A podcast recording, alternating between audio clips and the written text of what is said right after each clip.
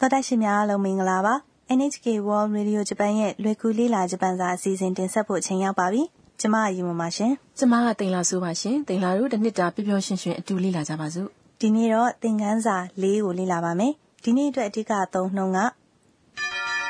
ただいま、 ပြန်ရောက်ပါပြီဖြစ်ပါတယ် ကဲတင်ခန်းစာစကြမယ်နော်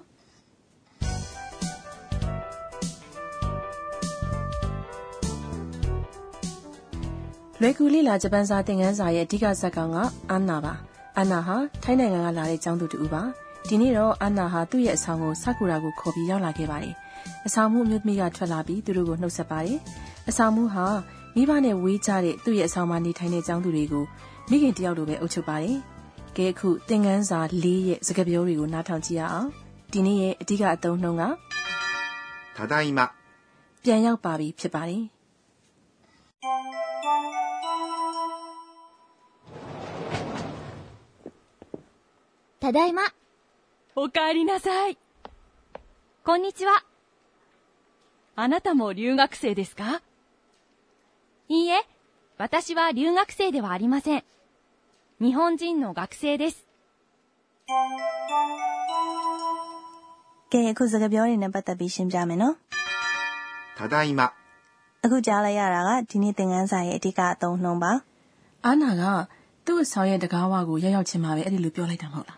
ဟုတ်တယ်မ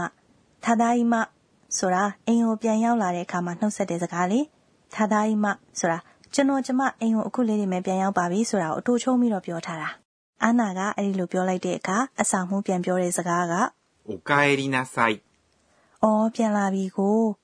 ဒါကတော့အိမ်ကိုပြန်လာတဲ့သူကိုကြိုဆိုတဲ့စကားပေါ့နော်သာဒါယီမနဲ့အိုခိုင်ဒီနာဆိုင်ဆိုတာကိုတထွေးထဲမှတ်ထားပေးပါ ただいま、おかえりなさい。 ဆာကူရာကအဆောင်မှုကိုနှုတ်ဆက်လိုက်တဲ့စကားကတော့ こんにちは。 မင်္ဂလာနေ့လည်ခင်းပါဆိုတဲ့နှုတ်ဆက်စကားပါ ခွန်နီချီဝါမှာပါတဲ့အင်းဆိုတဲ့အတန်ကထွက်ရခက်တယ်နော် ဟုတ်တယ်မခွန်နီချီဝစီးချက်လေးနဲ့အတူတူဆိုကြည့်ရအောင် こんにちは。こんにちは。 တခြားနှုတ်ဆက်တဲ့စကားလုံးတွေရသင်ပေးပါအောင်ရီမရဲ့ ဟုတ်ကဲ့မနက်ပိုင်းဆိုရင်မင်္ဂလာနံနက်ခင်းပါလို့ပြောရဲဟုတ်ဂျပန်လိုဆိုရင် おはようございます。 おはようございます。 မင်္ဂလာညနေခင်းပါဆိုတာကို こんばんは。こんばんは。 အဆောင်မှုကဆာကူရာကိုမေးလိုက်တဲ့စကားက あなたも留学生ですか အာနာတာဆိုတာနင်းတင်မင်းရှင်ခမညာမိုးကတော့လဲပဲလို့အဓိပ္ပာယ်ရတဲ့နံထောက်ပစ္စည်းပါလီယူဂက်ဆေဆိုတာနိုင်ငံသားကျောင်းသူကျောင်းသားလို့အဓိပ္ပာယ်ရပါတယ် လီယူဂက်ဆေဆိုတဲ့စကားတွေကလီယူဆိုတာ R တန်နဲ့ပေါင်းပေမဲ့ L တန်နဲ့ထွက်ရတယ်နော်နောက်ပြီးတော့ this ဆိုတာဝါကြတစ်ကြောင်ရဲ့အဆုံးမှာယဉ်ကျေးတဲ့စကားလုံးအနေနဲ့ထည့်သုံးတာပါဖြစ်ပါတယ်လို့အဓိပ္ပာယ်ရပါတယ်ခါကတော့အမေးပစ္စည်းပါဝါကြအဆုံးမှာခါကိုထည့်ပြီးအတန်ကိုမြင့်ပြောလိုက်ရင်အမေးဝါကြဖြစ်သွားပါတယ်ဆာကူရာပြန်ဖြေလိုက်တဲ့စကားကတော့အခုလိုဖြစ်ပါတယ် いいえ、私は留学生ではありません。 ဟင်းအင်း ကျမကနိုင်ငံခြားသားအကြောင်းသူမဟုတ်ပါဘူးတဲ့။ဤရဲဆိုတာကဟင်းအင်းဆိုတဲ့အဓိပ္ပာယ်ပါ။ဤရဲလို့ပြောတဲ့အခါမှာဤကိုအတန်တတန်စာပိုဆွဲပြီးတော့ပြောရပါတယ်။နားထောင်ကြည့်ရအောင်နော်။ဤရဲဝါတရှိဆိုတာကတော့ကျွန်တော်ကျမဝါဆိုတာဟာလို့အဓိပ္ပာယ်ရတဲ့ကတ္တပြဝိဘတ်ပါ။လီယူကဆေဆိုတာနိုင်ငံခြားသားအကြောင်းသူအကြောင်းသားဒေဝအာရီမာဆန်ဆိုတာတော့ဒက်စ်ရဲ့အငင်းပုံစံဖြစ်ပါတယ် ဆာကူရာကနိုင်ငံသားသားကျောင်းသူဆိုရင်ဘယ်လိုပြန်ဖြေရမလဲ はい、私も留学生です。 ဟုတ်ကဲ့ကျမလည်းနိုင်ငံသားကျောင်းသူပါ ဟိုက်ဆိုတာကဟုတ်ကဲ့သင်ခန်းစာနှစ်မှာလေ့လာခဲ့သေးတယ်နော် ဟုတ်တယ်မဒီစကားကိုပဲအခုလိုပြောနိုင်သေးတယ် はい、そうです。 ဟုတ်ကဲ့မှန်ပါတယ် so ဆိုတာအဲ့ဒါဟုတ်တယ်မှန်တယ်လို့ပြောတာပါ ဆာကူရာပြောလိုက်တဲ့စကားကဒီလိုပါ 日本人の学生です。 ဂျပန်လူမျိုးကျောင်းသူပါ ဒီဝက်ကြမှာဝါတရှိဝါဆိုတဲ့ကတ်တားကိုမြုပ်ထားတယ်နော်။ဘာကြောင့်လဲဆိုတော့အချင်းတွေကတိတာထင်ရှားတယ်လေ။ဒီဝက်ကြမတိုင်ခင်လေးမှာဆာကူရာကဝါတရှိဝါလို့ပြောခဲ့ပြီးသား။ဒီတော့ဒါကိုပြန်မပြောတာကတဘာဝကြတယ်။ဂျပန်စကားမှာဝါတရှိဝါဆိုတာကိုခဏခဏထည့်ပြောနေရင်ငါငါဆိုတာကြီးကိုကြောပါပြီးထည့်ပြောနေတယ်လို့မျိုးဖြစ်နေတတ်တယ်လေဟုတ်ပါတယ်နီဟွန်ဂျင်းဆိုတာဂျပန်လူမျိုးနောကတော့နန်တစ်ခုနဲ့တစ်ခုကြားမှာထည့်ပြီးအသုံးပြုရတဲ့ဝိဘတ်ပါ学生ဆိုတာကျောင်းသူကျောင်းသား des ကတော့ဖြစ်ပါတယ်လို့အဓိပ္ပာယ်ရပါတယ်။နို့မတိုင်ခင်မှာလာတဲ့နိဟွန်ချင်းဆိုတဲ့နံတစ်ခုကနောက်ထပ်နံတစ်ခုဖြစ်တဲ့ gakusei ကျောင်းသူကျောင်းသားဆိုတာကိုအထူးပြုထားပါတယ်။ဆာကူရာကဂျပန်စာသင်တဲ့ဆရာမဖြစ်ဖို့တက္ကသိုလ်မှာပညာသင်ယူနေတဲ့သူပါ။သူ့ရဲ့ရည်မှန်းချက်ကတော့နိုင်ငံရဲ့ခြားမှာဂျပန်စာသွားသင်ဖို့လေ။ဂျပန်ဘာသာစကားဆိုတာကိုနိဟွန်ကိုလို့ပြောပါတယ်။နိဟွန်ဂျပန်ရဲ့နောက်မှာကိုဘာသာစကားဆိုတာကိုထည့်လိုက်တာပါ ကဲအခုသင်ခန်းစာ၄ရဲ့စကားပြောကိုပြန်ပြီးနားထောင်ကြည့်ရအောင်ဒီနေ့ရဲ့အဓိကအသုံးအနှုန်းကထထားကြီးမှပြန်ရောက်ပါပြီဖြစ်ပါတယ်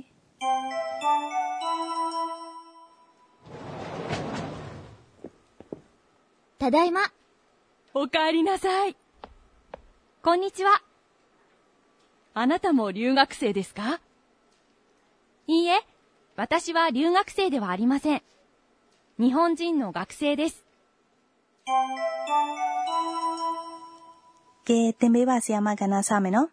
ဒီအစီအစဉ်ရဲ့ကြီးကြပ်သူပမောက္ခအာကာနေထုခုနာဂါကဒီနေ့သင်ခန်းစာတွေကလေ့လာရမယ့်အဓိကချက်တွေကိုသင်ပြပေးပါမယ်အခုလေ့လာရမှာကအငင်းဝကြဝတရှိဝလီယူဂက်ဆေဒေဝအာရီမာဆန်ဖြစ်ပါတယ် ဂျပန်စာမှာအငင်းဝတ်ကြတွေကိုဘယ်လိုဖွဲ့စည်းရတယ်ဆိုတာသင်ပေးပါဦး ဆရာမကိုမေးကြည့်ကြရအောင်နော်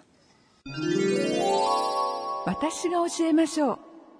ဆီယာမကဥပမာဝါကျတစ်ခုနဲ့အခုလိုရှင်းပြပါတယ်။ကျမဟာဂျပန်လူမျိုးဖြစ်ပါတယ်လို့ပြောတဲ့အခါကျမဆိုတာကိုဝါတာရှိလို့ပြောတယ်။ဂျပန်လူမျိုးဆိုတာကိုနီဟွန်ဂျင်းလို့ပြောတယ်။ဒီတော့ကျမဟာဂျပန်လူမျိုးပါဆိုတာကိုဝါတာရှိဝနီဟွန်ဂျင်း des လို့ပြောပါတယ်။အငင်းဝါကျလုပ်မယ်ဆိုရင်တော့ဝါကျရဲ့အဆုံးမှာရှိတဲ့ des ဆိုတာကိုဒေဝအာရီမာဆန်လို့ပြောင်းပြောရပါတယ်။အဲတော့ကျမဟာဂျပန်လူမျိုးမဟုတ်ပါဘူးလို့ပြောခြင်းရင် 私は日本人ではありませんလို့ပြောရပါတယ်။ကဲပြောကြည့်ကြရအောင် 私は日本人ではありません。 ။ကျမဟာဂျပန်လူမျိုးမဟုတ်ပါဘူးဆိုတဲ့ဒီဝတ်ကြမှာတဲဝဆိုတာကိုဂျလို့ပြောင်းပြောလိုက်ရင်တော့ပို့ဖို့ပါပါပုံစံဖြစ်သွားပါတယ် ဒီတော့ကျမဟာဂျပန်လူမျိုးမဟုတ်ပါဘူးဆိုတာကိုပေါ့ပေါ့ပါပါပုံစံနဲ့ပြောခြင်းဘယ်လိုပြောရမလဲ ။日本人ではありませんဆိုတာကို日本人じゃありませんလို့ပြောင်းပြောရပါတယ်။ တော်တာရှင်တို့ရေဒီနေ့အတွက်သင်ပေးပါဆရာမကဏ္ဍကတော့ဒီလောက်ပါပဲအခုဆက်ပြီးတက်ရှိတက်မဲ့တွေရဲ့အတန်တွေအမှုရာတွေကိုဖော်ပြတဲ့ onomatopoeia တွေကိုလေ့လာကြရအောင်อืมဒီအတန်ကရှော့တကပောက်ကိုလူတစ်ယောက်ကဖွင့်လိုက်တဲ့အတန်နော်ဟုတ်တယ်မအဲ့ဒါကိုအခုလိုမျိုးဖော်ပြတယ်ဂါရာဂါရာဂါရာဂါရာဆိုတဲ့အတန်ကိုတခုခုပြောလဲကြတာကိုဖော်ပြတဲ့အခါမှာလဲသုံးတယ် နောက်ပြီးတော့တကားပိတ်လိုက်တဲ့အခါမှာထွက်လာတဲ့အတန်ကကြတော့ဘာတန်တကားပိတ်လိုက်တဲ့အတန်ကဘာတန်ဟုတ်လားဟွန်းမပိတ်တာဒီထက်ပိုပြီးညင်တာလေဒီလား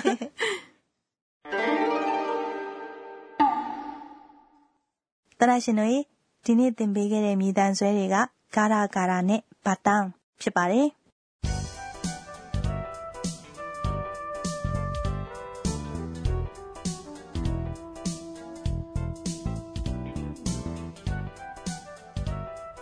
ရဲ့အခုနောက်ဆုံးတနေ့တာဖြစ်ပျက်ခဲ့တာတွေကိုပြန်စင်းစားသုံးသပ်တဲ့အန်နာရဲ့တီရိုရေရွတ်တန်ကဏ္ဍကိုတင်ဆက်ပါမယ်။ဟဲ့တူယောဝါ음ဒီနေ့ကဆက်ကရာကအဆောင်မှုရဲ့ခန်းထဲကိုဝင်တဲ့အခါမှာသူ့ဖက်နှက်ကိုချွတ်လိုက်တယ်။ပြီးတော့အခန်းဝမှာ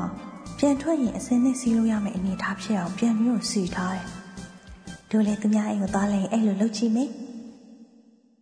ကဲတော်တာရှင်တို့ရေသင်ခန်းစာ၄ကိုနှစ်သက်ပါရဲ့လားဒီနေ့သင်ခန်းစာရဲ့အဓိကအသုံးအနှုန်းက ただいま、 ပြန်ရောက်ပါပြီဖြစ်ပါတယ် ။တရရှင်တို့ရေနောက်လာမယ့်သင်ခန်းစာမှာတော့ဆာကူရာနဲ့အန်နာတို့နှစ်ဦးအန်နာရဲ့အခန်းထဲမှာစကားစမြည်ပြောကြပါမယ်။次回もお楽しみに。 နောက်လာမယ့်သင်ခန်းစာကိုလည်းစောင့်မျှော်နှားဆင်ပါဦးနော် လွယ်ကူလေးလာဂျပန်စာအစီအစဉ်ကိုနားဆင်ပြီးနားမလည်တာရှိရင်မေးခွန်းလေးတွေရေးပြီးတော့ရေဒီယိုဂျပန်မြန်မာဘာသာအစီအစဉ်ကိုစာရေးသားမေးမြန်းနိုင်ပါတယ်ဂျပန်စာနဲ့ပတ်သက်ပြီးမေးလာမယ့်သောတာရှင်တို့ရဲ့စာတွေကိုစောင့်မျှော်နေမယ်နော်မတန်းနဲ့